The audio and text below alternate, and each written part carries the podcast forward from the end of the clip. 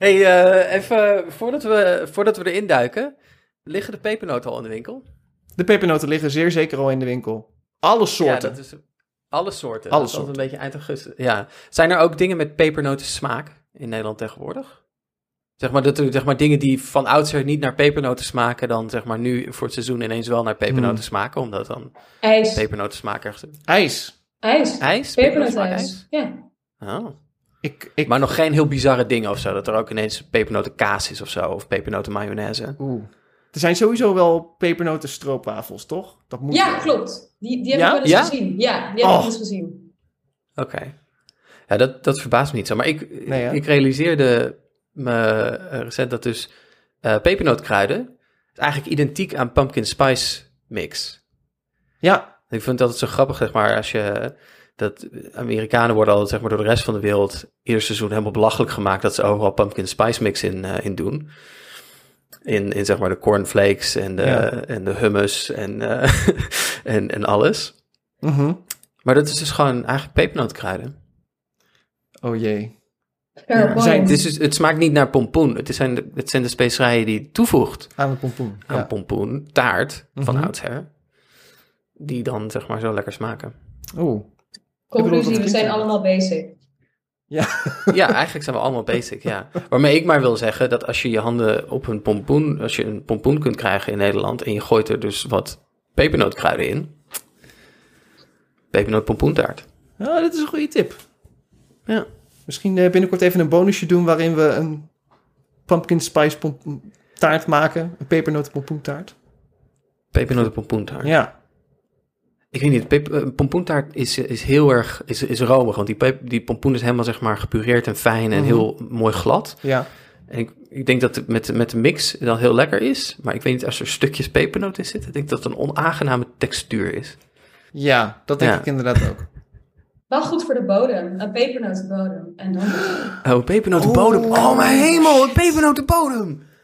Oh, Let's mijn go. brein is, er ging even een plof hier uit mijn hoofd. Oh, mijn hemel. Misschien ga ik dit wel maken, joh. Dit, dit, Mhm. eh, want we doen altijd een Friendsgiving hier. Niet Oh, ja. Thanksgiving, maar Friendsgiving Ja. met vrienden. Met onze gekozen familie, als je, als je het zo wil noemen. Mhm. Maar ik denk dat het, dat gaat heel erg... Oh, dat gaat een groot succes worden. Ik zal, ik zal eh, Mieke, ik zal jou eh, daar de credits voor geven. Ja, ik ben gewoon heel benieuwd naar het eindresultaat. Gaan we doen. Ja, Stuur een foto, alsjeblieft. Ja, doen we, doen we.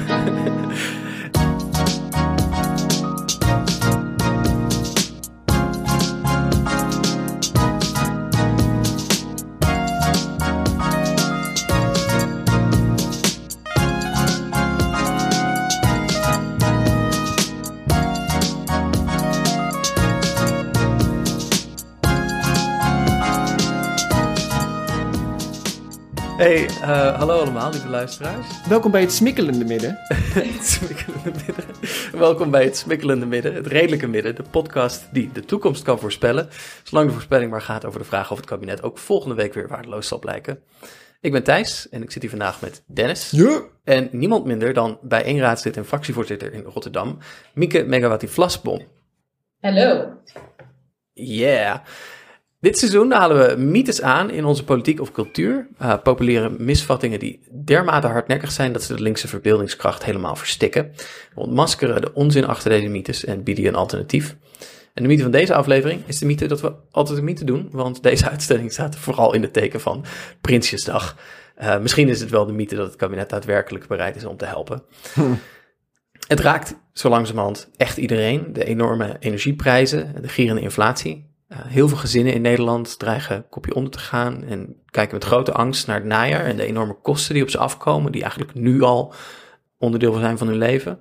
Ze hebben deze zomer misschien die gevreesde brief ontvangen van de energiemaatschappij met daarin de berekening van hun nieuwe tarief, die in één klap concurreert als grootste lastpost met hun huisbaassubsidie, dat wil zeggen met hun huur. En daar gaan we het vandaag over hebben. Maar we doen dat niet alleen. Dennis en ik hebben, zoals je hebt kunnen horen, Mieke bij ons om dit onderwerp met ons te bespreken. Mieke is fractievoorzitter voor Bijeen in de gemeenteraad van Rotterdam. En we zijn heel blij dat je er bent. Ik ben blij er te zijn. Thanks. Ja, ja. Ehm, voordat we er helemaal induiken, nog even dit. We maken deze podcast met heel veel plezier en hopen dat jij als luisteraar ook veel plezier aan onze podcast beleeft. En als het zo is, dan kun je ons steunen via vriend van de show slash HRM. Voor 3 euro per maand word je kameraad van de podcast en krijg je toegang tot alle leuke extra's die we hebben. Bonusafleveringen, uh, de maandelijkse livestreams, onze Discord vol met memes en kattenplaatjes. En je kunt ook live meeluisteren tijdens de opnames, zodat je kunt horen wat er allemaal niet in de uiteindelijke uitzending komt. Um, Zoveel. Ik ben heel grappig, eigenlijk.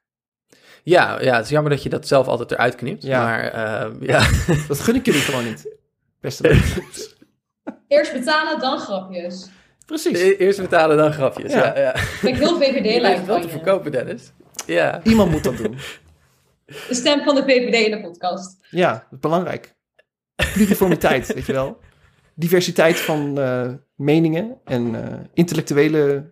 Anyway, ga verder. En, je- en ja, grapjes dus, ja. Ja, eenmalig iets geven kan ook, als je dat fijner vindt. Eh, vriend van de show slash HRM. En als je niets kunt missen, dan begrijpen we dat hartstikke goed. En dat is natuurlijk helemaal oké. Je kunt dus ook gewoon helpen door je vrienden, je familie, je collega's en de mensen met wie je op de bus staat te wachten over ons te vertellen.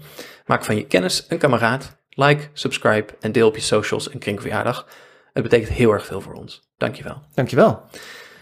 Mieke, Ja. je bent nu, hoe lang ongeveer eh, sinds de beëdiging is het? Het is, het is bijna een half jaar, denk ik, hè? Ja, ja, zes maanden ongeveer. Ja. Zes maanden. Ja. Dus dan heb je. Dus dan, eh, dan ben je zo begonnen met eh, een beetje de voorjaarsnota of de voorjaarsvooruitzichtraming van de begroting. En dan staat nu de grote begroting op je te wachten. ja, het grootste debat is eigenlijk het coalitieakkoorddebat geweest. Het was direct na de voorjaarsnota inderdaad, de kaderbrief. Maar dat was eigenlijk nog groter en belangrijker dan de, de kaderbrief zelf, want die was heel abstract, nog heel breed genomen. Dus het was niet helemaal niet specifiek. Want eh, help mij en de luisteraars nog even herinneren. Wat voor een monsterlijke coalitie eh, is er, eh, staat er aan het roer in Rotterdam? Ja, ja, god, waar kan ik beginnen? Leefbaar Rotterdam heeft de meeste zetels bij ons eh, in de raad. Dus eh, zij werken samen met de VVD, D66 en gek genoeg Denk. Oh, ja. Ja, Heel natuurlijk. ja. Ja, ja, Ik kan me vooral herinneren van toen dat coalitieakkoord en ook de coalitiesamenstelling werd aangekondigd, dat men daar, dat veel mensen daar hoogstens verbaasd over waren en ook heel kritisch natuurlijk. Hoe, hoe, hoe functioneert dat een beetje? Hoe is dat, hoe ga, hoe, hoe, hoe- wat voor een rol spelen die denkwethouders? Nou ja, zij zitten dus eigenlijk best op een lastige positie. Want ze hebben een ziel verkocht eh, om te kunnen besturen, als het ware. Dus ze mhm. zitten zelf eh, op armoede, maar ook voor, bijvoorbeeld op vluchtelingen. Dus een denkwethouder moet het zeg maar, leefbaar beleid verdedigen als wethouder. Omdat wij een quotum van 500 mensen hebben in Rotterdam. En dat moet hij dan elke keer verdedigen als denkwethouder. Dus dat is wel, het, het is heel bizar. Ja. Ja, Mhm. ja. Jemig joh. Ja, nou, ik ben, ben benieuwd of, dat, of die coalitie in deze vorm eh, en met deze samenstelling het eh, met elkaar uit gaat houden. Nou, ik denk dus dat het gewoon, kijk, mensen vergeten dat Denk op heel veel vlakken gewoon een rechtse partij is. Eigenlijk op racisme, discriminatie en asiel waren ze altijd heel links, behalve in Rotterdam Mhm. blijkbaar. En ik denk dat ze het belangrijker vinden om te besturen en om die stap verder te zetten in de politiek dan dat ze het nou echt zo erg vinden dat ze met Leefbaar samenwerken. Want ze gaan echt goed door een deur. Als de, Ja. als de, als de vergadering is afgelopen, staan ze met elkaar te kletsen en te lachen Ja. en te gieren. Dus het zijn gewoon echt vriendjes. En ze Hmm. vinden het Ja. helemaal prima. Zoveel moeite kost het ze niet, Nee, eigenlijk. nee. Dus Ja. ja, het verbaast me in ieder geval niet meer. Ja, jammer. Goede reminder van het feit dat er aan de top altijd klassensolidariteit is. Tussen, tussen bestuurders. Mhm. ja. Absoluut. die, eh, die, sta- die staan elkaar wel op de schouders te slaan. Ja, zeker. Ja. Wat is jou ehm, aan het werk in het afgelopen half jaar? Wat heeft je het meest verrast? Wat is je het meest opgevallen? Of heeft het meeste indruk gemaakt misschien? Goeie vraag. Eh, het, het, het is heel heftig. Je, van de Mhm. een op de andere dag, je bent eerst gewoon Mieke en dan ben je opeens fractievoorzitter. En Mhm. Je bent dan in één keer ook werkgever en je gaat ook over personeelszaken, ook met pensioenen bezig zijn, tegelijkertijd politiek strategisch. Dus er, alles tegelijkertijd. Dus dat is sowieso super heftig. Ehm, Ja. En het is een hele. De, de sfeer in de Rotterdamse Raad, daar staat, daar staat het ook wel bekend om, is gewoon heel. Het is heel hard, het is heel bot. Het is echt gewoon constant ruzie maken. Het is het, er zit geen vriendelijkheid in. Dus dat is wel even, daar, daar moest ik wel eventjes aan wennen. Inmiddels ben ik er wel aan gewend, omdat je gewoon niet beter verwacht. Uh, maar in het begin was, het wel, was dat wel heel zwaar. Ja. Ja. Ja, dat kan ik me wel voorstellen. Maar ik heb ook, ook laatst een artikel gelezen waarin jij en nog allerlei andere raadsleden van kleur werden, werden geïnterviewd. En daar leek wel een soort van een, een solidariteit te ontstaan ook. Ja, wij zijn allemaal nieuw verkozen. Dus wij proberen een beetje door die bestuurscultuur heen te breken. En op heel, veel, heel veel onderwerpen zijn we het absoluut niet met elkaar eens. En soms kan ik ze ook niet uitstaan, als politiek gezien dan. Hè? Dat ik echt denk, wat doe je nou? Uh, maar we zijn er wel over eens dat op het moment dat een man een vurig betoog houdt en mijn collega dat doet, dat, dat zij wordt dan betekent dat ze een tirade houdt en over-emotioneel is. Mm We zeggen daar gewoon wel wat van. Want we hebben zoiets van, ja kom, dit gaan we gewoon niet doen. Hier ga je geen onderscheid in maken. En we komen daarin wel voor elkaar op. Dus dat is wel heel fijn. Je, kan, je vindt vreemde allianties soms in de politiek. Dus uh, dat is op zich wel prettig. Ja, nou, dat kan ik me goed voorstellen dat het ook gewoon hard nodig is als die, als die sfeer is zoals die is. En, ja. ja. Ja, en ik vind het wel bemoedigend om te horen dat, uh, dat, dat jullie daar samen toch in kunnen optrekken. En dat jullie dat dan ook kunnen agenderen van, hé, hey, dit is niet oké. De manier waarop we uh, worden behandeld en de manier waarop uh, het betoog van een vrouw wordt beoordeeld en de manier waarop het betoog van een man wordt, uh, wordt beoordeeld. Ja, ja. absoluut. Ja. Hey, en um, welke, welke portefeuilles um, heb jij uh, allemaal? ja, ik zit nou, verrassend genoeg op bouwen, wonen en buitenruimte. Hoe zou dat nou komen? Ja, ja hoe zou dat nou komen? Ja. op organisatie, veiligheid, heel veel zaken met de politie. En ik zit ook op vluchtelingenopvang. Dat is een behoorlijke, dat is een behoorlijke portefeuille. en zeker in Rotterdam natuurlijk, waar, waar ook dit college nog weer verder gaat met het slopen van sociale huurwoningen. En, uh, ja, en, het verslechteren van. Ja. Alleen maar politie wil inzetten eigenlijk. Ik denk dat het coalitieakkoord had net zo goed gewoon één zin kunnen zijn. We love politie. Dus ja, ja. ja. Wat met een ja. politiekorps zoals dat in Rotterdam. Dat kan, dat kan ook geen makkelijke portefeuille zijn daar. Nee, dus ik, ik zit best wel vaak ben ik ja, ruzie aan het maken met, uh, met Westerbeek, de, de korpschef hier in Rotterdam. Het komt hmm. natuurlijk ook omdat ja, hij was ook degene die met het woonprotest in Rotterdam uh, ervoor heeft gezorgd dat het compleet uit de hand is gelopen. En vervolgens stond hij janken in een, in een talkshow dat het maar van één kant werd belicht. Ja, dus, ja. Maar vanuit het activisme had ik altijd al ruzie met hem. En nu zit hij best wel vaker bij, bij de commissie als van technisch ambtenaar om uh, ja. zijn verhaal te doen. Maar ja, als technisch ambtenaar, ja. Ja, ja. Mhm. ja, je mag ook geen politieke vragen stellen. Je mag niet met hem in debat gaan, zeg maar. Dat, dat mag gewoon niet. Dat moet met de burgemeester, want dat is zijn portefeuille. Dus, ja. ja.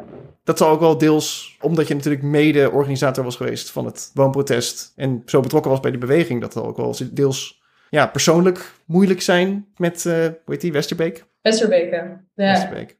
Ja, dat is ik heb ook bewust die portefeuille daarom gekozen. Omdat ja, ook, heel veel politieke partijen ook gewoon zoiets hebben van... ja, maar de politie, die, zijn er echt voor ons. En er is mm geen ander geluid dan we houden van de politie. Dus ik vond het wel belangrijk, uh, ook gewoon als ervaringsdeskundige wat dat betreft. Weet je, als organisator van protesten zie je het gewoon vaak misgaan. En ja, dat geluid wordt vaak niet meegenomen. Dus dat is ook wel bewust. Het is wel een zware portefeuille, moet ik zeggen. Maar... Ja, ja. ja. Laten we het hebben over dit najaar en wat er op ons afkomt en wat er op Rotterdam afkomt. Er was anderhalve week geleden dat verschrikkelijke nieuwsbericht uh, van die elfjarige jongen op de basisschool de Catamaran. Die was flauwgevallen op school op maandag. Ja. Omdat hij een heel weekend niet had kunnen eten. Omdat zijn gezin zo uh, in, in, in de penarie zat. Mm -hmm. dat, is, dat, dat veroorzaakte natuurlijk een storm van verontwaardiging. Maar dat is één voorbeeld. En ik kan me voorstellen dat er honderden, misschien wel duizenden voorbeelden zijn, alleen al in jouw stad, uh, Mieke, van gezinnen die ja, in bijna net zo'n penibele situatie zitten. Ja. Ja, we Maak zijn je je grote zorgen? Ja, absoluut. Want we zijn al een best wel arme stad, hè, Rotterdam. De burgemeester die ontkent dat altijd, omdat we de haven hebben. Maar de, Mhm. de inwoners van de stad zijn gewoon grotendeels arm. Mhm. De statistieken zijn ook heel erg. Volgens mij is het 1 op de 5 kinderen in Rotterdam gaat met honger naar school. Jezus. Eén op de vijf kinderen in Rotterdam gaat met honger naar school. Ja. Ja, en het, is, het wordt steeds erger en erger. En weet je, de gemeente weigert hierbij ook eh, zijn bijdrage te leveren. Wij hebben in het begin van, eh, van de periode hebben we een debat gehad over, eh, over het compenseren van eenmalige compensatie van energie. En toen letterlijk uit het college kwam, dat gaan we niet doen. We gaan het gewoon niet doen. Er is tegen gestemd, tegen die motie ook gestemd. Vervolgens heeft Stichting de Verre Bergen, dus een filantropische organisatie, heeft gezegd, weet je wat, wij gaan het wel doen. Dus nu kunnen Rotterdammers wel via de gemeentewebsite terecht voor die compensatie, maar we betalen het niet zelf. Nee, dat doet een externe organisatie voor ons. Het is echt gênant. Dat hebben ze wel weer uh, ja. lekker makkelijk voor zichzelf geregeld. Ja. Uh, wat, wat is in vredesnaam als ik even door mijn eigen verontwaardiging hier overheen uh, probeer te stappen. Wat is in vredesnaam het argument van, van het college dat ze dat niet gaan doen? Zij zaten toen nog in coalitieonderhandelingen. En het is natuurlijk niet gepast om in onderhandelingstijden iets met financiën te doen. Dat kan gewoon niet. Hmm. Oh ja. Dat was de reden. Ja. ja.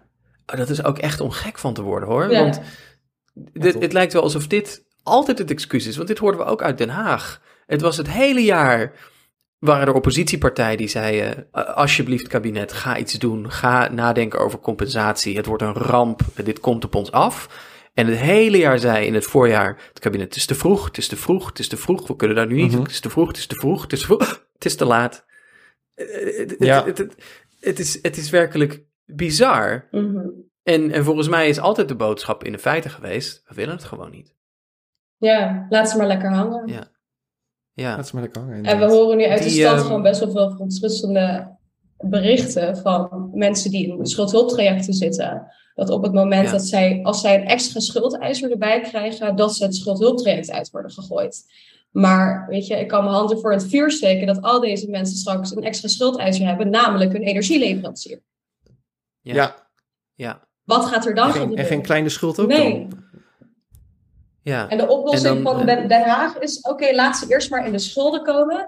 Daarna worden wij schuldeiser en dan zien we wel wat er gebeurt. Ja. Eerst even flink vernederen voordat je ze gaat helpen. Precies. Maar, het is ook een, maar dat is ook een papieren, dat is ook een oplossing voor niets natuurlijk. Want als de schuld op papier wordt verschoven van de energiebedrijven naar de staat, ja, dan heeft dat de energiebedrijven uit uh, de problemen geholpen.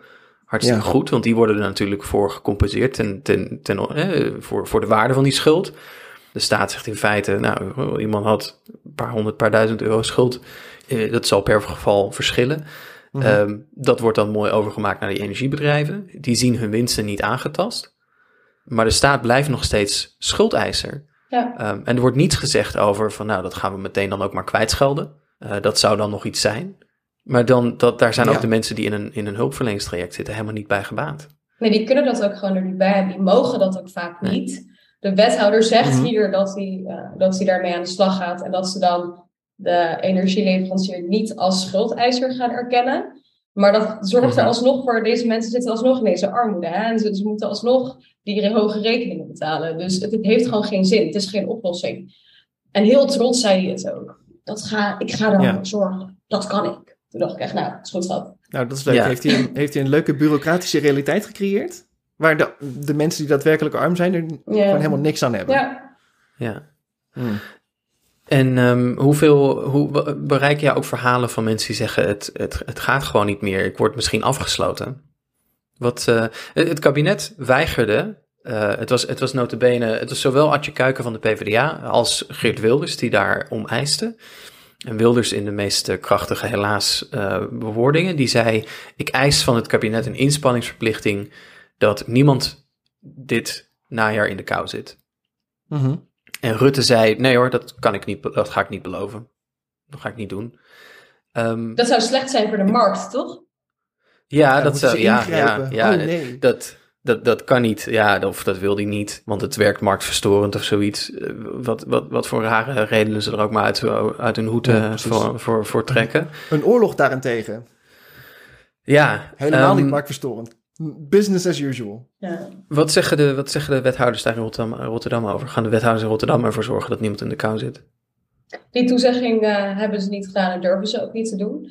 Um, het is heel erg, zijn een beetje aan het pingpongen met elkaar. Dus uh, ze zeggen, het college zegt in Rotterdam, we wachten af op het Rijk. Het Rijk zegt, we wachten af op de gemeente. En wij zitten er een beetje tussen te hobbelen van, oké, en nu?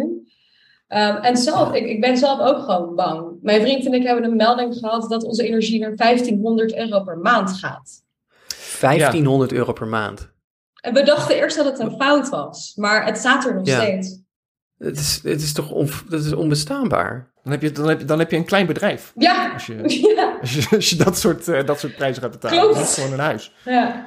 Dat, ja, dat is, dat, is, dat is een bedrag vergelijkbaar met een, met een huurappartement. Ja, klopt. Dus nu twee keer de huur, zeg maar, moeten we maandelijks proberen op te hoesten. Ja, we, we zullen het zien. Belachelijk. Ja, ja. Ja, en dat, Ja, dat, is, dat kan gewoon niet. dat is het probleem ook heel veel ook met bijvoorbeeld zo'n een, eenmalige energiecompensatie. Het is ook maar, het is voor een heel klein groepje mensen, maar het is voor mensen die op 120% zitten van het minimumloon volgens mij. Of 130, ik weet het Mhm. niet uit mijn hoofd. Maar heel veel mensen daarbuiten, die kunnen het ook niet betalen. Ehm, en die, Ja. die, ja, die, die gaan er onderdoor. En die komen op een gegeven moment in diezelfde armoede terecht. Totdat ze eindelijk wel die energiecompensatie kunnen aanvragen. Ja, het heeft gewoon Ja, geen want, zin. want die 1500 euro die jij, waar jij het over hebt, dat gaat om een maandbedrag. Ja, het gaat over een maandbedrag, ja. Mhm. Ja, en omdat dan naast het bedrag wat het kabinet heeft toegezegd als inkomensafhankelijke compensatie voor de energierekening, want daar heb jij het over, die extra toeslag voor de kwetsbare gezinnen, dan hebben ze het over 1300 euro, eenmalig, Mhm. voor de kwetsbare huishoudens. ja. Maar dat is, een beetje, dat is een beetje kabinetspropaganda, want er was al 800 euro van vrijgegeven. Dat wordt op dit moment via de gemeente ehm, is dat beschikbaar. En daar doen ze 500 euro bovenop. Dus het is ook nog eens een bedrag wat volstrekt ontoereikend is. Klopt. Dat, dat blijft toch wel, ja, ik, ik, ik, ik, wil er eigenlijk over schreeuwen de hele tijd, maar dat blijft toch wel de rode draad in heel veel van de reacties die ik ook van jou, ik hoor van jou dus dat, het, dus dat dezelfde houding eigenlijk wordt aangenomen op lokaal niveau als ook op landelijk niveau, Ja. is dat er eigenlijk wordt gezegd, ja, we kunnen niets doen, we kunnen niets doen, Uh, Mhm. maar het klinkt toch vooral als we willen niets doen, we willen niets doen. Omdat men kennelijk gevangen zit in een soort denkpatroon van dat mag de overheid niet doen. Als er geld nodig is om, uh, om Booking.com uh, overeind te houden, Of KLM. twee jaar geleden pas nog, dan is er KLM, ja, inderdaad, KLM, ja. dan zijn er, dan zijn er miljarden zo mogelijk beschikbaar. Mhm. Uh, maar er is kennelijk geen geld beschikbaar om mensen overeind te houden. Ja, het is, er, er is dus zoveel geld. Weet je? Het geld klotst tegen de plinten aan daar in Den Haag. En ik heb ook van betrouwbare bronnen gehoord dat voor het budget voor wapens voor de politie volgend jaar wordt verdubbeld. Dat ik denk, nou, er is heel veel Oh, geld. prettig. Lekker, lekker, Ja. weet je. Het, het zijn prioriteiten, het is een prioriteitenkwestie. En het is gewoon nog Ja. steeds dat gedachtegoed, je hebt een winnaar, je hebt een verliezer. En als je dus een verliezer bent, dan doe je het, niet zelf, het zelf niet goed genoeg. Dan is het je Ja. eigen schuld. Nou, ook om in herinnering te roepen. ehm, wat, we eigenlijk, wat, wat, waar mijn hoofd, ja, mijn hoofd duizelt voortdurend, maar waar ik ook echt van duizelde, is dat de staatsschuld volgend jaar gaat die omhoog op, hoog of omlaag? Dat weet Wat ik denken niet. jullie? Die gaat omlaag, volgens de Ah. ramen van het kabinet. Niet heel veel hoor, maar hij gaat omlaag. Oké. Ja. Ah, En dan denk ik, ehm, dat is. Nu. Dat is ook weer bizar. In, in, in de crisis rondom eh, rond eh, 2008, 2010, hè, toen moesten de banken worden gered. Nou, dat, eh, werd, eh, dat werd met voortvarendheid gedaan. En dat moest dan maar ten koste van de staatsschuld. Daar was iedereen het ook wel zo ongeveer over eens in Den Haag. Mhm. Nou, prima, daar gaan we dan de staatsschuld maar voor laten oplopen. Eh, en hier wordt gewoon ouderwets wordt doorgezet dat de staatsschuld kennelijk omlaag moet. Ja. Dus in een tijd waarin de inflatie letterlijk gezinnen omduwt, de energierekening ervoor gaat zorgen dat er echt verschrikkelijk schrijnende situaties gaan ontstaan, zegt het kabinet, onze prioriteit blijft het omlaag brengen van de staatsschuld. Het ontbreekt ze gewoon aan een gevoel van urgentie. En dat, dat, nou, daar, daar, daar kan ik niet over uit.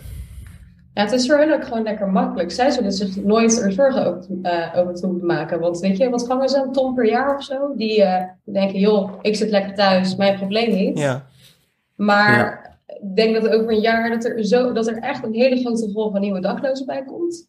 Want mensen kunnen door al deze rekeningen, weet je, kunnen hun huur ook niet meer betalen. Er worden geen betaalbare woningen gebouwd. Er zijn, eh, zijn super lange wachtrijen voor een sociale huurwoning. Waar moeten we dan slapen en wonen en eten? Ja, ja, Ja, absoluut, absoluut.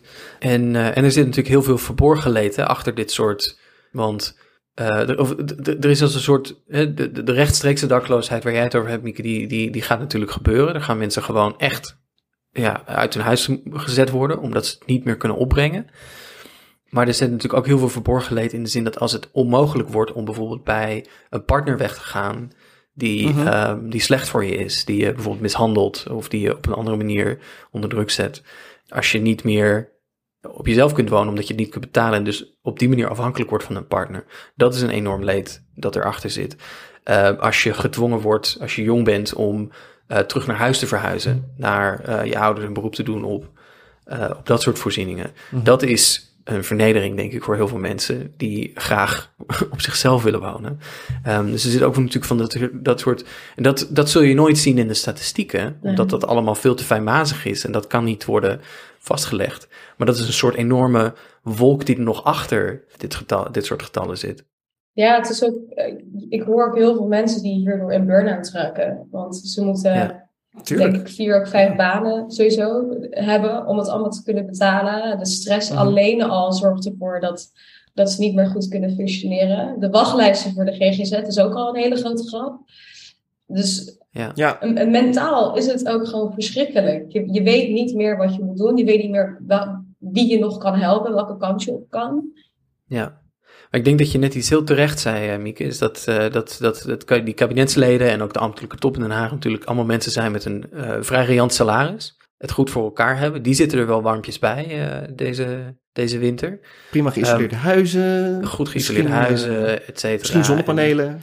misschien zonnepanelen. Um, en, en natuurlijk zullen zij ook iets extra voor de energierekening gaan betalen, maar het zal ze niet zoveel deren. Nee. Maar dat, en dat werd ook bevestigd door een artikel in NRC van, van vorige week is dat eigenlijk het meest ontluisterende was, is dat al deze geluiden, die waren al maandenlang, werden die uh, naar Den Haag gecommuniceerd. Van belangenorganisaties, uh, van ook van raadsleden natuurlijk, zoals jij, Mieke, uh, van uit allerlei steden, waar mensen die zeiden, wij horen nu al de zorgwekkende signalen. Mm -hmm. En dat het kabinet heel lang gewoon niet goed begreep waar het eigenlijk om ging. Dat daar een soort mentaliteit was van, ja, ja, het wordt natuurlijk wel het wordt natuurlijk wel vervelend. Hè? Ook samengevat in de woorden van minister Kaag: we worden allemaal een beetje armer. Mhm. Alsof dat zeg maar een soort ja, tijdelijke tegenslag is. Van ja, goed, ja, we worden allemaal een beetje armer. Nou, dan gaan we dus één keer per week minder uit eten of zoiets. Of, uh, of we stellen de aankoop van ons uh, van, van het volgende kunstwerk voor aan de muur even uit. Ja. Dat een beetje. Ja, maar dat, dat, ja. Is, dat, dat hoor ik als ik hoor als ik de zin we worden allemaal een beetje armer hoor. Ja, dan hoor je niet inderdaad van dan ik ga even niet... niet naar de huisarts. Ik uh, moet mijn kind niet meer op, uh, de, sport, op de sport doen. Mm -hmm. Het zwembad gaat dicht. Mm -hmm. dat, soort dingen, dat soort dingen hoor je allemaal. Ik sla maaltijden over. Ik ga, ja. Ze beseffen het uh, niet. Ze hebben dit zelf nooit meegemaakt. Ze zullen ook nooit begrijpen nee, hoe dat is. Ik ben zelf een aantal jaar thuisloos geweest. Ik heb heel veel schulden mm -hmm. gezeten. Ik ben vorige maand voor het eerst in tien jaar naar de tandarts geweest. Omdat ik het eindelijk weer kan betalen. Ja. Maar ja. ik ben nog steeds aan het inhalen van alle dingen die toen op me afkwamen. Want weet je, een schuld van 40 euro wordt zo 2.500 euro, zeg maar.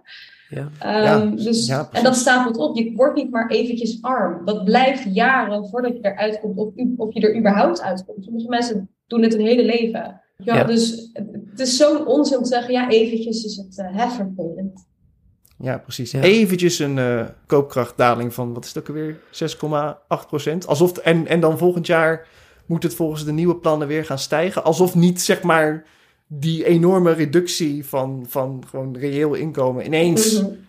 Heel veel mensen dus gewoon eigenlijk voor de, voor de rest van hun leven. En er zijn zoveel mensen die het probleem dan omdraaien. Weet je wel, voor die ouders van, van, van het jongetje, die is flauw gevallen op school, omdat het slechte ouders zijn ik denk, deze situaties worden gecreëerd door bewust beleid. deze ouders willen ook liever hun kinderen eten geven. En wat denk je nou zelf? Ja, what the fuck. Dat is ook misschien de, de reactie van... Ik, ik geloof zelfs dat het Rutte was, die hier een vraag over kreeg op de persconferentie. Die zei, als dit aan de hand is, klopt dan in, klopt dan in vredesnaam aan. Waar? Ja. Van, waar? waar? Ja, waar? Wat voor... Ja, maar ook wat voor land denk je dat we leven, Rutte? Wat voor, misschien, misschien denkt hij echt wel dat Nederland een land is waar er voor je gezorgd wordt. Ja. Alsof die man niet al twaalf jaar aan de macht is en dat land heeft afgebroken steen voor steen. Misschien meende hij dat wel oprecht toen hij zei dat, dat het best wel een, een socialistisch landje is of zo. Dat, zoiets was het toch? Ik denk van, hoe, hoe ben je aan de macht gekomen dan? Ja. Wat is er gebeurd? Ik kan, me, ik kan me goed voorstellen, Mieke, dat het gewoon voor jou ook met die ervaring die jij hebt van thuisloos zijn en in de schulden zitten, ook gewoon echt hard, echt emotioneel belastend en, en, heel moeilijk is om het werk te kunnen, het werk dat je doet te doen, nu en, en de komende maanden. Ja, het is, uh, ja, het is, het is pittig. Vooral omdat mijn collega-raadsleden, grotendeels van die je hebben er een bedrijf naast. Want raadslidssalaris is ook echt niet hoog. Nee. Het is gewoon een part-time part plusje.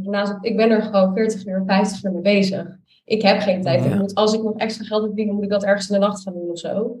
Weet je wel, en deze mensen die, die, die hebben gewoon een privilege en die zullen dat nooit begrijpen. En het debat over die energiecompensatie vroeg iemand van oké, maar waarom worden studenten niet gecompenseerd? En toen zei iemand van D66, ja, mensen die studeren, die zitten niet in armoede, die hebben dat helemaal niet nodig. En toen dacht ik, in mijn studietijd ben ik thuisloos geworden en moest ik stoppen met mijn studie omdat ik het niet meer kon betalen. Wat zeg jij in godsnaam? In welke droomwereld ben jij opgevoed? Ja, en ik denk dat die realiteit, die maar niet wil doordringen tot zeg maar, onze bestuurlijke klasse, in, in, in, in, in, voor in ieder geval het, het, het, het grootste deel daarvan, en ook het deel daarvan dat het meest machtig is in Nederland op dit moment. Uh, want dat is, weet je, er wordt, er wordt met veel, eh, bijna een soort misplaatste trots dan aangekondigd die plannen lekken. Nou, dat, dat doet het kabinet natuurlijk allemaal hartstikke bewust, zodat ze dan uh, dit weekend, uh, het afgelopen weekend, uh, de goede pers hebben met alle kranten. Dat is inmiddels een ritueel. Hè, en er wordt er, heel, er wordt er gezegd van, nou, we hebben goed geluisterd. Er wordt 17 miljard uitgegeven aan de reparatie van de koopkracht. Volgend jaar, want de koopkracht gaat volgend jaar stijgen met 3,9 procent, bijna 4 procent. Is dat niet geweldig? Maar dit jaar daalt die met bijna 7 procent. Dus dat is een ja. netto daling van de koopkracht die volgend jaar niet wordt hersteld. Uh, er wordt niets gedaan voor de komende drie maanden, waarin dus die energierekening, hè, denk aan november, december, dat zijn die dure maanden. Uh, verschrikkelijk gaat oplopen. Dan wordt er gezegd: het minimumloon gaat met 10% omhoog. Ja. We geven 10%. Nou, dat klinkt veel. Dat is zo, 10%. Dat is meer, dan de, dat is meer dan de koop. Ja. ja, ja, precies. Dat is, die, minimumloon is nu net iets meer dan 10 euro en het gaat daar net iets meer dan 11 euro. Um, Terwijl de standaard eis Terwijl Vanuit de... jaren geëist om 14 euro per, per uur. Nou, dat mag inmiddels dus ook wel naar 15, 16, 17 euro per uur vanwege die inflatie. Uh, want ook die 14 euro, euro gaat niet meer toereikend zijn. Nee. Er wordt veel, er wordt veel gezegd over die, die, die 1300 euro voor de kwetsbare huishouden. Nou, dat is 500 euro bovenop een 800 euro die er al was. Dus dat valt ook wel weer mee. En dan wordt het ook nog allemaal inkomensafhankelijk gemaakt. Waarvan we weten dat dat altijd ervoor zorgt dat allerlei heel kwetsbare huishoudens die het nu al tot hier zit. Hè, die, die, die, moeten dan, die moeten dan ook nog eens weer 35 formulieren gaan invullen. Waarin ze dan aantonen dat het echt tot hier zit. Alsof dat hey, maar weet je wat nou echt belangrijk is? Is dat het Koningshuis wordt gecompenseerd met 4,5 ton vanwege de inflatie. Ja. Dat is echt belangrijk. Ah, dat, is toch, dat is toch fijn, hè? Ja. Die mensen moeten gewoon uh, door kunnen gaan zoals ze al gingen. Ja, het is zo ja. belachelijk. Heel belangrijk. het is ook heel fijn dat we nu eindelijk 2% van ons BPP uitgeven aan defensie, zoals de NAVO altijd al wilde. Top, dat hebben we bereikt, mm. jongens. 5 miljard. Ja. Super. Hadden we nergens anders aan kunnen besteden. Dit moest echt zo. Heel ja, belangrijk. Het is echt, oh jee. Het is echt belachelijk voor woorden. Het is heel deprimerend, maar ook het is deprimerend om, om te horen van jou, Mieke, dat je dus in die raad zit. Uh, de, Raad van Rotterdam telt uh, eh, 45 zetels, is dat correct? Yes. Ja, dus met ruim 40 collega's, die, waarvan dan het grootste deel ja, in, in een soort. Ik hou niet van het woord bubbel, maar laten we zeggen in een soort maatschappelijk bevoorrechte bubbel leven. Een wereld waar de zon wel schijnt. Ja. En dat het dus zo moeilijk is om die mensen aan het verstand te brengen hoe het land er in werkelijkheid uitziet. Dat, dat lijkt me gewoon iets waar je moedeloos van wordt. Ja, ze, ze, ze zitten inderdaad in een soort ja, een fantasiewereld. Ik, denk, ik ben heel blij hè, dat ze het nooit hebben hoeven meemaken. En ik hoop ook dat ze het nooit mee hoeven te maken. Hoe het is om uh, buiten te slapen, om van een reis half per dag te leven en dat soort dingen. Maar het weigeren van andermans ervaring is zo ontzettend kwalijk. En dan maar blijven vragen, waarom zijn er maar 38% van de Rotterdammers gaan stemmen? Nou, wat denk je zelf? Ja. Weet je, en, en dat, die klik die kunnen ze gewoon niet maken. En ook al heb je linkse partijen in Rotterdam, die zijn ook niet links. Weet je, de coalitie met de mhm. PvdA en GroenLinks heeft de Tablesbuurt gesloten. Daar hebben ze gewoon prima hun hand, handtekening onder gezet. Weet je wel, en nu in één keer zeggen, jullie breken de stad af. Nou schat, wat hebben jullie de afgelopen vier jaar gedaan? ja. Weet je, lekker makkelijk. Ja. ja. Um, is er eigenlijk iets wel goeds aan de kabinetsplannen? Dennis, jij hebt er ook in detail naar gekeken. Is er iets wel goed aan de kabinetsplannen? ja. Nou, ik bedoel, als je even zeg maar je ogen sluit en, en doet alsof het zeg maar 2016 is, Aha. nou, dan is dit op zich best wel aardig. Verder ben ik eigenlijk vooral, vooral, vooral heel, inderdaad heel, heel cynisch met het too little, too late. Er, wordt wat, er worden wat, eh, wat miljoenen geïnvesteerd in een klimaatfonds. Ja. Super. Eh, er wordt eh 3,9 miljard euro uitgetrokken voor steun aan Oekraïne. Oké. Eh, waarvan het overgrote deel voor het eh, opvangen van Oekraïnse vluchtelingen. Maar overigens over het opvangen van al die andere vluchtelingen. Overigens worden de derde landers, dus de Oekra- mensen uit Oekraïne met een tijdelijke verblijfsvergunning, hun hulpverlening Mhm. stopt op 4 maart in Rotterdam. Dus alleen de echte, echte Oekraïners worden nog geholpen. De derde landers niet Oh, meer. Die worden ook niet meer Helemaal. toegelaten. Ook. mm. Jezus. Ja, het is echt een grote grap. Nou, dat is, dat, is, dat is hoe dichtbij ik kwam bij eh, iets goeds aan de, aan de kabinetsplannen. Iets goeds aan de kabinetsplannen, ja. ja, ja. Nee, ik heb er, eh, ik heb er ook weinig, eh, weinig vertrouwen in. En dat het kabinet dan zelf al zegt van ja, deze plannen zouden wel eens al nog dit jaar gedateerd kunnen zijn. Ook daarvan snap ik niet hoe je zeg maar die gedachte kunt verenigen met je eigen inactiviteit. Ja. Dus dat je Nee, denkt, ja, we hebben nu plannen gemaakt. Het zou wel eens dat het al dit jaar gedateerd kunnen zijn. Ja. En dat je dan niet denkt, misschien moeten de plannen robuuster en ambitieuzer zijn.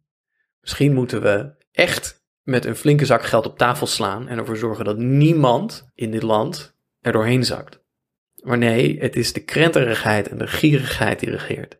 Maar ze, ze willen dit ook bewust. Ik zie het in Rotterdam. Ze willen helemaal geen arme mensen in de stad. Die mogen lekker weg. Dat is slecht. Ja. Slecht voor ons imago. Slecht voor de look van de stad. Je gaat maar ergens Mhm. anders heen. Dat is niet ons probleem.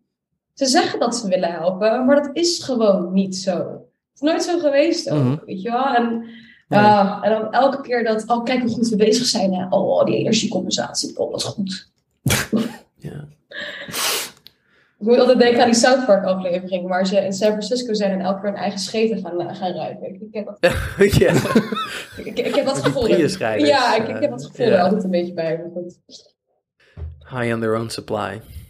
Ja, maar echt. Nee, dat, dat blijft denk ik toch wel het thema ook van het, eh, van het, van het kabinetsbeleid. Dat, eh, hoe, hoezeer dat misschien ook een woord is dat eh, aan inflatie onder...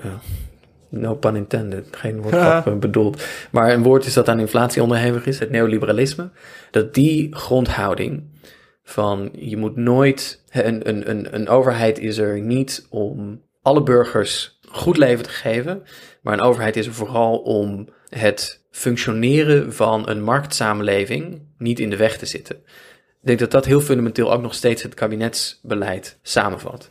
Het- mechanisme waarmee bijvoorbeeld wordt gekeken naar die energierekening en de compensatie daarvoor. Er volgt een heel kleine, nauwelijks toereikende compensatie voor mensen die op 120% van het minimum zitten, zodat die als consument niet ophouden te consumeren. De energiebedrijven er wordt niet gesproken over nationaliseren, er wordt niet gesproken over prijsplafonds, er wordt niet gesproken over het aftoppen van rekeningen, zoals bijvoorbeeld zelfs in het Verenigd Koninkrijk wordt gedaan, Mhm. zoals in Frankrijk wordt gedaan. Er wordt gesproken over het overnemen van de schulden van huishoudens, zodat de energiebedrijven niet omvallen. Maar de schulden blijven bestaan, inderdaad. Maar de schulden blijven bestaan, ja. En dan wordt er gezegd van nou, de, de, de, die, die schulden worden dan deels gedragen door de overheid en deels door de energiebedrijven. Daar wordt overigens niet dan vrijgegeven wat daar de verdeling in is. Maar ik kan me zo voorstellen dat het minstens 80% de overheid is die eh, die schulden gaat dragen. En dat de energiebedrijven maar in heel beperkte mate aan een soort fonds gaan bijdragen om, eh, om die schulden op te vangen. Waar ze overigens om moeten gaan lachen, want ze hebben miljarden winsten geboekt. Dus dat gaat nauwelijks een deuk maken in hun winsten. Ehm, het gaat maar echt dat- prima met de energiebedrijven. dat, dat ja, maar opnieuw- echt. ja, maar dat opnieuw dus Ah. het functioneren van die bedrijven wordt geprioriteerd. Dat is de hele tijd het, het hoofddoel van het kabinetsbeleid. Het in stand houden van die marktmechanismen. In Ja. plaats van dat er beleid wordt gemaakt vanuit een visie op een samenleving waar de burger centraal staat en waar de overheid primair ervoor is om ervoor te zorgen dat burgers een goed bestaan en een goed leven hebben, zelfs als het wat moeilijker wordt met de economie en zelfs als het wat moeilijker wordt om eh, dat allemaal te betalen in een land. Dat, dat ontbreekt gewoon helemaal. En ik denk Ja. dat dat, weet je, en dat zorgt automatisch voor een soort horizon in je hoofd, een soort muur die daar staat, waar je niet voorbij kunt kijken en waarvan je dus ook helemaal niet meer kunt bedenken, als je in zo'n systeem functioneert, als politicus of als ambtenaar, dat er überhaupt een alternatief mogelijk is. Mhm. Het is een soort, een, een soort betonnen muur in je hoofd, waar je gewoon, waar geen zonlicht tot doordringt en waar geen frisse gedachte tot doordringt. Nee. Ik moet zeggen, ik moet eh,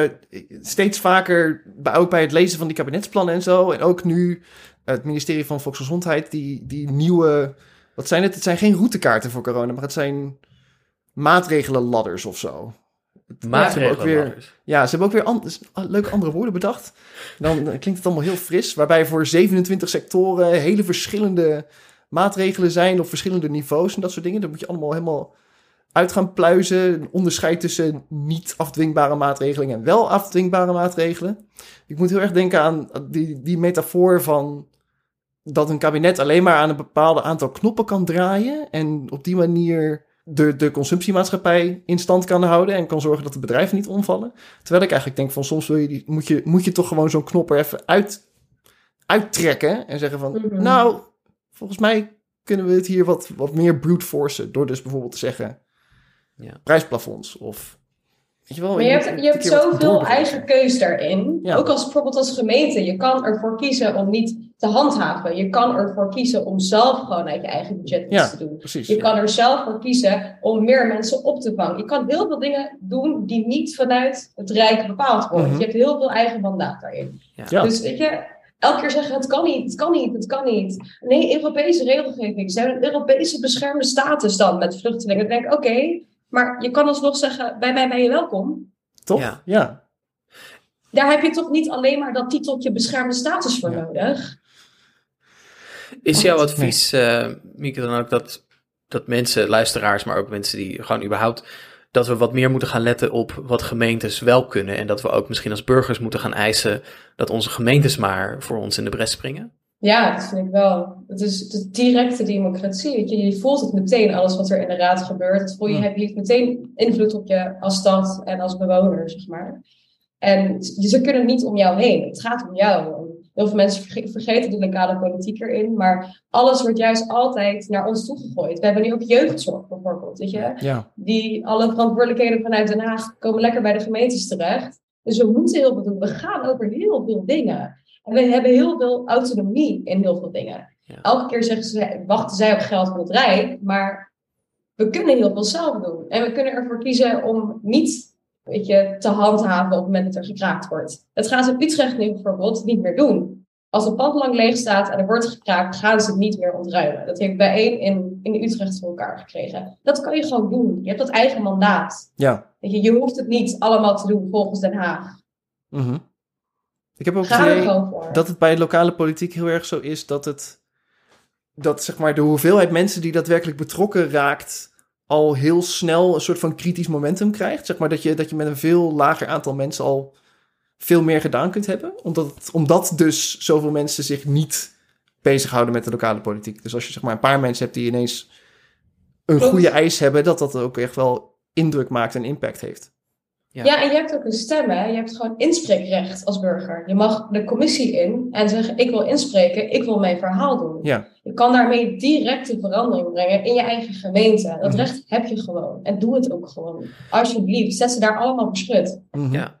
Nou, en, en- eh, breng ze in de verlegenheid. Alsjeblieft. ja. Zet je raadslid voor schut. Dat vind ik een Zet je mooie. raad in voor Ja, schut, uitstekend het. Zet je wethouders voor schut. Ja. Ja. echt. Want het is hun beleid wat ervoor zorgt dat ze in deze situaties terechtkomen. Ja, precies. Doe het maar. Ja. Ja, en hun Kunnen ze het gebrek een keertje in de aan, ogen aankijken. en hun gebrek aan fantasie ook, want jij had het net over kraken en dat dat niet meer wordt gehandhaafd in Utrecht.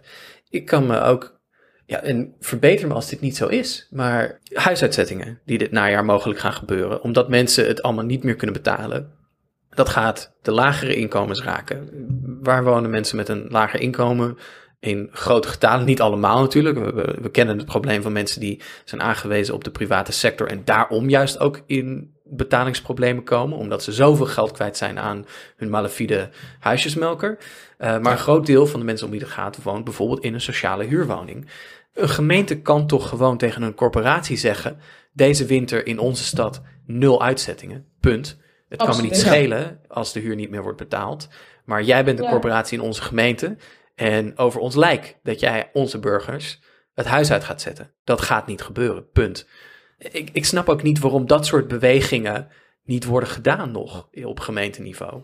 Ja, dat, ja, het is wat ik zeg. Is in ieder geval in Rotterdam willen ze gewoon, ze willen heel graag Manhattan aan de Maas, chic, duur, expats en hè, allemaal superleuk en hip. En uh, lekker juppen en lekker bakfietsen en lekker gaan. Mhm.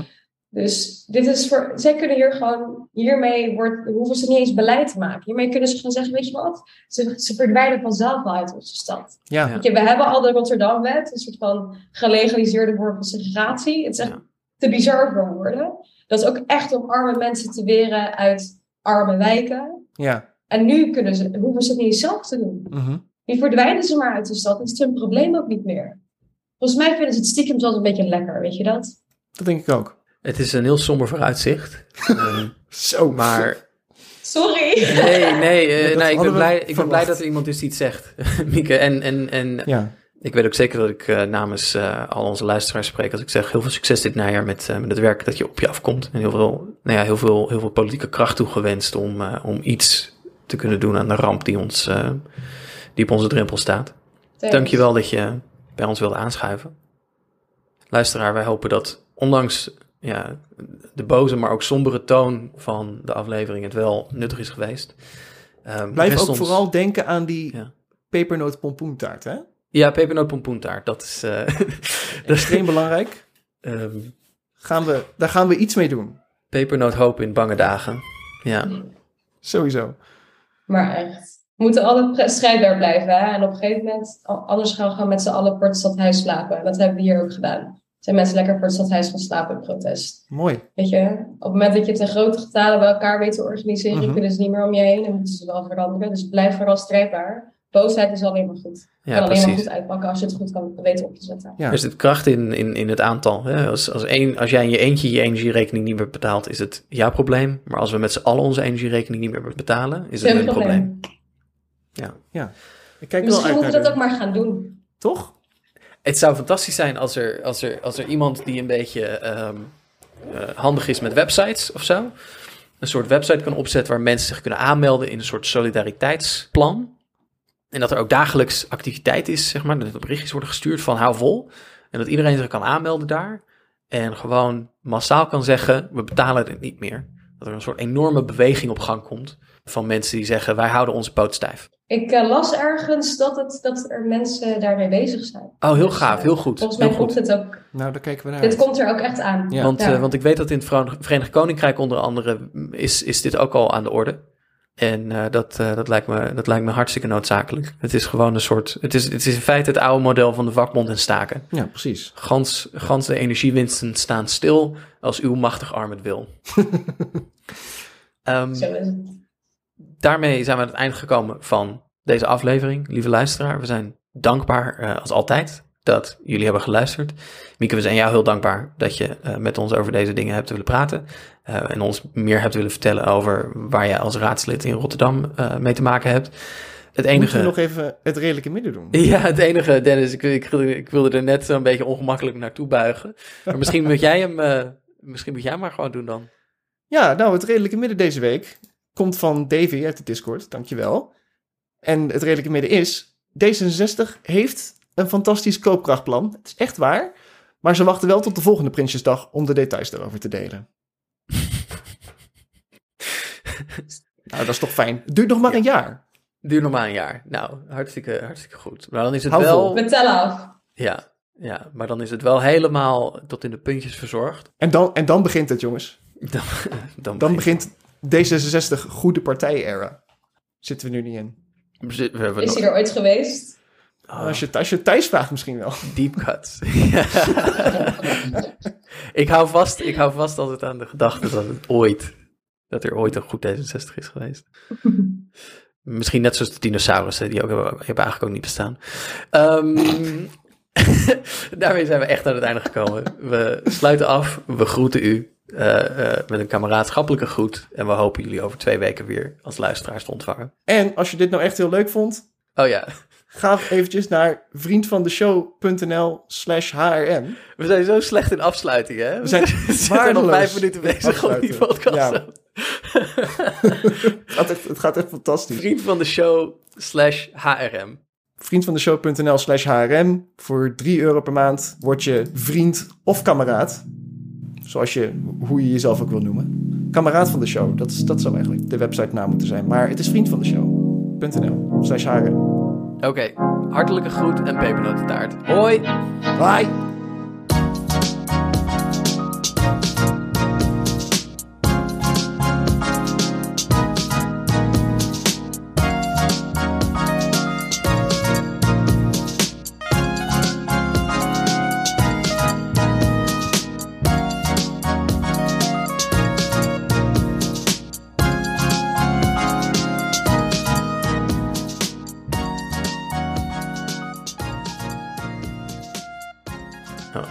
Pauze houden omdat mijn kat aan het miauwen is.